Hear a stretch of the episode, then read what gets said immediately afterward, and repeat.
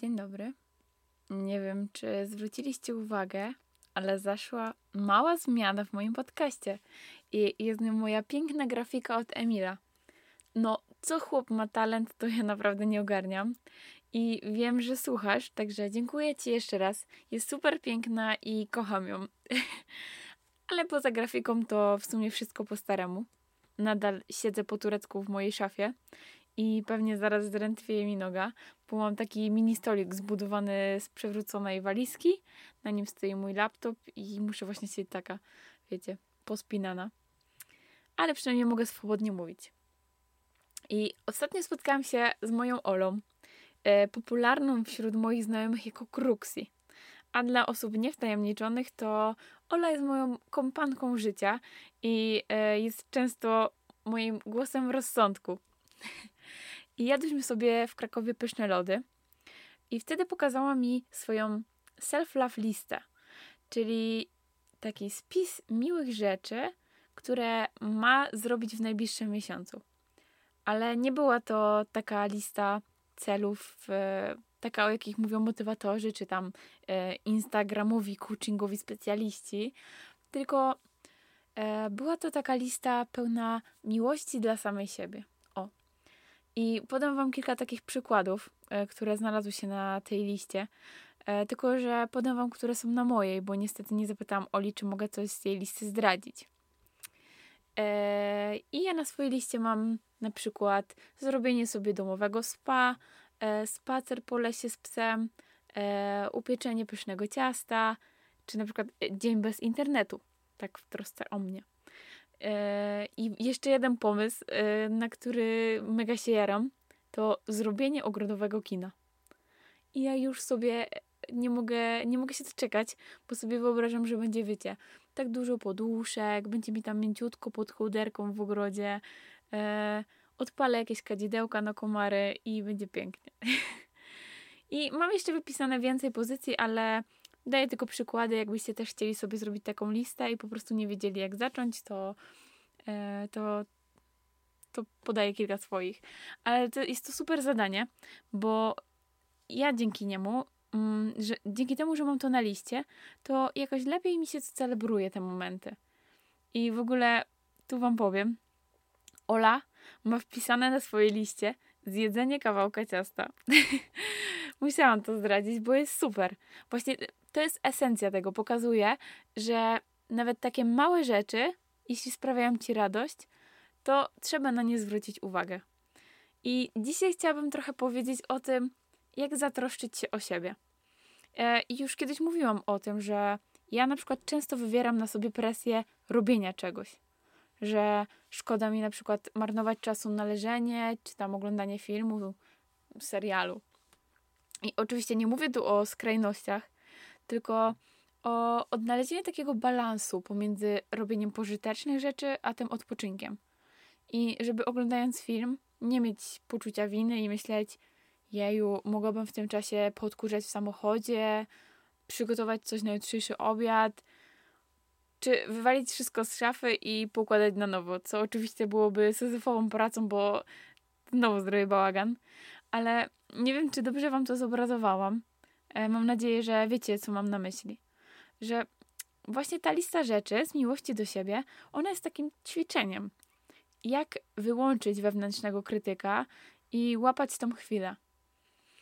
I często się zdarza, że obwiniamy się za różne rzeczy, za decyzje, za jakieś może zachowania. I na przykład to prowadzi do tego, że przestajemy się lubić. Że odczuwa się wtedy taką wewnętrzną frustrację, która właśnie jest mega zgubna. Na swoim przykładzie w zaburzeniach odżywiania często towarzyszy taka nienawiść do siebie. Nie wiem, czy tak to można ująć. I dużo razy na przykład miałam trzymać dietę, a zjadłam jakiś kawałek sernika po obiedzie u babci.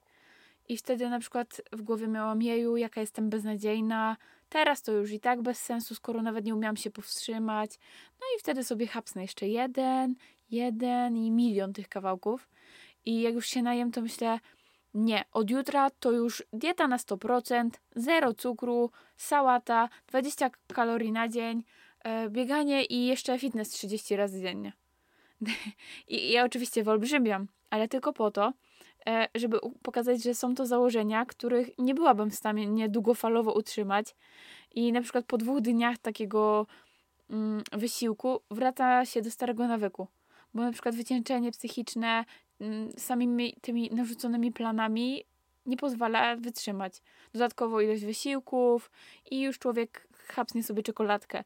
I wtedy z nerwów na samą siebie przychodzi załamanie i sobie myślę na przykład, że jestem beznadziejna i kolejna blacha sernika. nie wiem, co ja się tak tego sernika trzymam, ale chyba dlatego, że babcia dzisiaj piekła i, i już o nim myślę. no ale właśnie to jest takie błędne koło. I najgorsze w tym wszystkim było to, że ja w tych momentach nie lubiłam siebie. A to powodowało jeszcze większą frustrację. I zdroworozsądkowe podejście w tej sytuacji wygląda tak. Okej, okay, zjadłam kawałek sernika, był pyszny, świat się przecież nie zawala, ja nie szykuję formy na scenę, a nawet jeśli, no to tam wiesz, wiecie, y, jeszcze będę biegać, to po serniku to będzie w ogóle power. Yy, i, I to drugie podejście właśnie staram się w sobie wypracować nie chcę, żebyście też zrozumieli mnie źle, że na przykład namawiam kogoś do podjadania, jak chce schudnąć czy coś, ale próbuję uwidocznić problem, z którym zmaga się naprawdę wiele osób. I trzeba wtedy całkowicie odrzucić to podejście zero-jedynkowe, czyli popularne 100% albo nic. A to nie odnosi się tylko do diety i, i do treningu, ale można to przeanalizować na inne sfery życia. Tak samo jak ktoś jest pracocholikiem czy jak rzuca na przykład papierosowy nauk. Jak ktoś palił 10 papierosów dziennie i nagle narzuci sobie zero, od jutra kończę, z tym nie palę. To naprawdę trudne, żeby wytrzymał w tym założeniu, bo jego organizm jest tak przyzwyczajony do tego stanu, który ma po zapaleniu papierosa, i że nie ma szans. I wydaje mi się, bo jeszcze nigdy nie rzucałam palenia i nie palę, żebym miała rzucać, że wydaje mi się, że w tej sytuacji rozsądniejszym byłoby, żeby stopniowo zmniejszać te dawki nikotyny. I tutaj właściwie dążę do tego, żeby nawet jak się potknie w tych swoich założeniach, to żeby wyciągać wnioski i uświadomić sobie po prostu, dlaczego postąpiłam tak, czy postąpiłem tak, a nie inaczej. Żeby się nie załamywać. Bo błędy są takimi świetnymi lekcjami, tak to trzeba przyjmować. Yy, I mimo, że niestety trzeba czasami przełknąć tę gorycz, która po nich powstaje, to wydaje mi się, że jesteśmy bogaci o jakieś doświadczenia. I o ile wyciągniemy z tego jakieś wnioski, to następnym razem unikniemy porażki, czy lepiej będziemy sobie z nią radzić. I generalnie w naszej naturze często jest tak, że zazdrościmy innym, no nie? Bo ktoś doszedł do sukcesu i tłumaczymy sobie, że albo ona, czy on to ma łatwiej, bo jego to nie spotyka, czy tam nie spotkało ale trzeba mieć też gdzieś z tyłu głowy, że tym osobom również może się to przytrafić w przyszłości i one nie będą miały tego doświadczenia co my. I też będą musiały sobie jakoś z tym poradzić i to udźwignąć. Albo nie wiemy, i ta osoba już przez to przeszła, tylko po prostu zrozumiała to, wyciągnęła wnioski i, jest już o krok dalej. Tak to trzeba analizować głęboko żeby trochę rozluźnić, rozluźnić atmosferę, bo już tak bardzo poważnie prawie tutaj, to kilka tygodni temu miałam taki jakiś gorszy dzień. Wróciłam z pogrzebu i jedyne na co miałam ochotę to tak wiecie, położyć się w łóżeczku i mulić. Być taką przygnębioną cały dzień do końca. Ale stwierdziłam, że dobra, może pójdę sobie na spacer. A później pomyślałam, że nie no to może przebiegnę sobie kilka kilometrów, dawno nie biegałam i jakoś to mi oczyści głowę. I słuchajcie, ja wtedy biegłam jak Forrest Gump. biegłam i biegłam. I nawet nie skupiałam się na czasie, tylko w tym biegu poczułam takie odprężenie i do tego stopnia, że przebiegłam swoje pierwsze w życiu 10 kilometrów. I uwaga, niestety zrobiłam to po trzech tygodniach przerwy.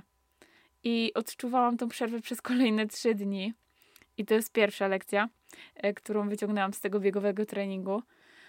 A kolejna jest taka, że poszłam biegać w takich mega wygodnych geterkach. Takie kupiłam, wiecie, padichu na jakimś bazarku i one były długie, ale obcięłam na długość do połowy uda. I wcale nie obcięłam ich po to, żeby być modną, bo kolarki są w modzie, tylko chciałam mieć krótkie spodenki, które po prostu, w których nie obcierają mi się uda. Tak. Koniec z tematami tabu. U kobiet też się uda obcierają. i one są naprawdę super wygodne i dlatego wzięłam je do biegania. Tylko mają jedną wadę, bo są szare. Pomyślcie sobie teraz, jak wygląda szara koszulka w upał. Zaraz widać, kto ma po prostu spocone pod skrzydłem. I ja właśnie po tych 10 kilometrach, koszulka cała mokra i jeszcze te przekręte szare geterki. I to kurwa wyglądało, jakbym się posikała. I jak wróciłam do domu, to patrzę w lustro i wtedy cała mgła mojego umysłu zniknęła, bo dowiedziałam się, dlaczego ludzie tak na mnie patrzyli. I wcale nie był to jakiś, wiecie, wzrok podziwu, że matko, jaka wytrwała, tak biegnie w ten upał, tylko no po prostu wygląda jakby się posikał. I nie wiem, e, czemu w ogóle opowiadam jakieś obleśne, spocone historie, ale widzicie, wyciągnęłam wnioski, teraz się z tego śmieję. E, już wiem, że nie biega się w szarych spodenkach, i jeszcze dzielę się z wami tym doświadczeniem, także nie musicie się tego przeżywać na własnej skórze. I nie ma za co, naprawdę, nie ma za co. E, no i właśnie tak samo trzeba wyciągać wnioski z tych błędów, które popełniamy, z tych porażek. I na przykład po nieudanym związku też trzeba dać sobie czas, przepłakać, co się chce przepłakać, później przeanalizować, dlaczego nie wyszło, jakich błędów unikać na przyszłość, że na przykład może był to zły dobór, on lubił hasać po górach, a ona najchętniej spędziłaby weekend oglądając seriale, jeszcze jedząc jakiegoś maczka. Albo po prostu przemyśleć sobie, że po raz kolejny wybraliśmy osobę, która związku tworzyć nie chce, a nasze dobre serduszko miało jakieś nadzieje. I wtedy nie obwiniać się, absolutnie. Tylko, nie wiem, przeanalizować to, co, co było żeby wbić sobie do głowy alarm, który na przykład ostrzeże nas przed kolejnym złym lokowaniem uczuć. I, jeśli słucha tego jakiś inżynier, może zrobić taki alarm. ja chętnie kupię. I tak analogicznie, we wszystkim. Dawać sobie dobro i wyłączyć tego wewnętrznego krytyka.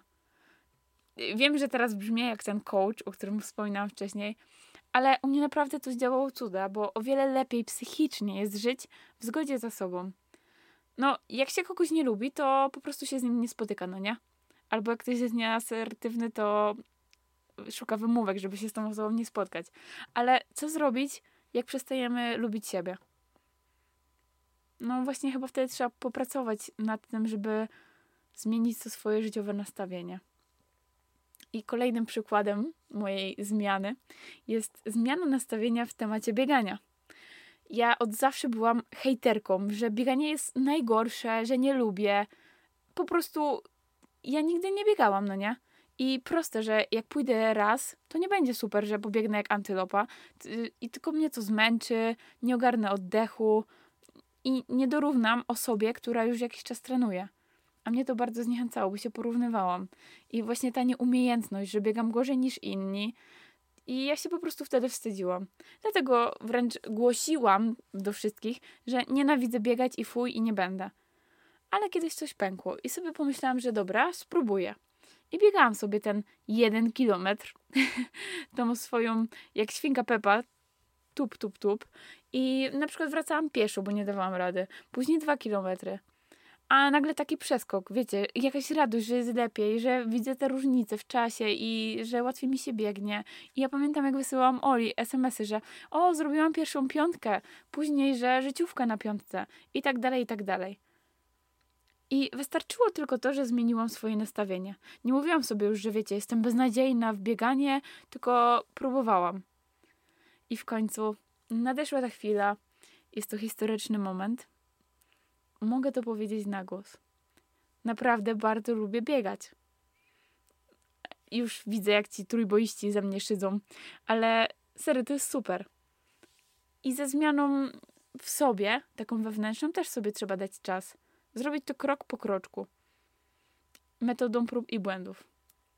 I ważne jest, żeby się zastanowić, co powoduje, że, że się na siebie denerwujemy, co z tym robimy, albo co możemy zacząć robić, i właśnie puentą tego odcinka miało być to, żeby zaopiekować się najpierw sobą. Tak jak w samolocie. Najpierw założyć trzeba maskę tlenową sobie, a dopiero dziecku. Czyli no po prostu zadbać o siebie. Żeby dawać sobie takie przyzwolenie na przyjemności, A jak się popełni jakiś błąd, czy ma się jakąś porażkę, to po prostu to zaakceptować, wyciągnąć wnioski i cisnąć dalej. I polecam Wam naprawdę, żeby zrobić sobie taką listę przyjemności, żeby je zauważyć. Mm, żeby o, otulić się taką kołderką miłości dla samego siebie. Musiałam to powiedzieć, bo to tak super brzmi. I mam nadzieję, że tym trochę chaotycznym, w tym takim wywodzie znajdziecie mój przekaz, albo każdy znajdzie coś dla siebie. E, dziękuję w ogóle osobom, którzy, które napisały do mnie jakąś wiadomość, że fajnie się słucha czy coś, bo daje mi to kopa. Przede wszystkim lubię tu gadać, bo zbieram swoje myśli tak do kupy i samej mi to pomaga, bo mi się tak utrwala w tej terapii, e, że jakoś lepiej mi się żyje samej ze sobą. I ten podcast daje mi bardzo dużo radości. I tyle. Zadbajcie o swoje kołderki miłości i o siebie. Bye.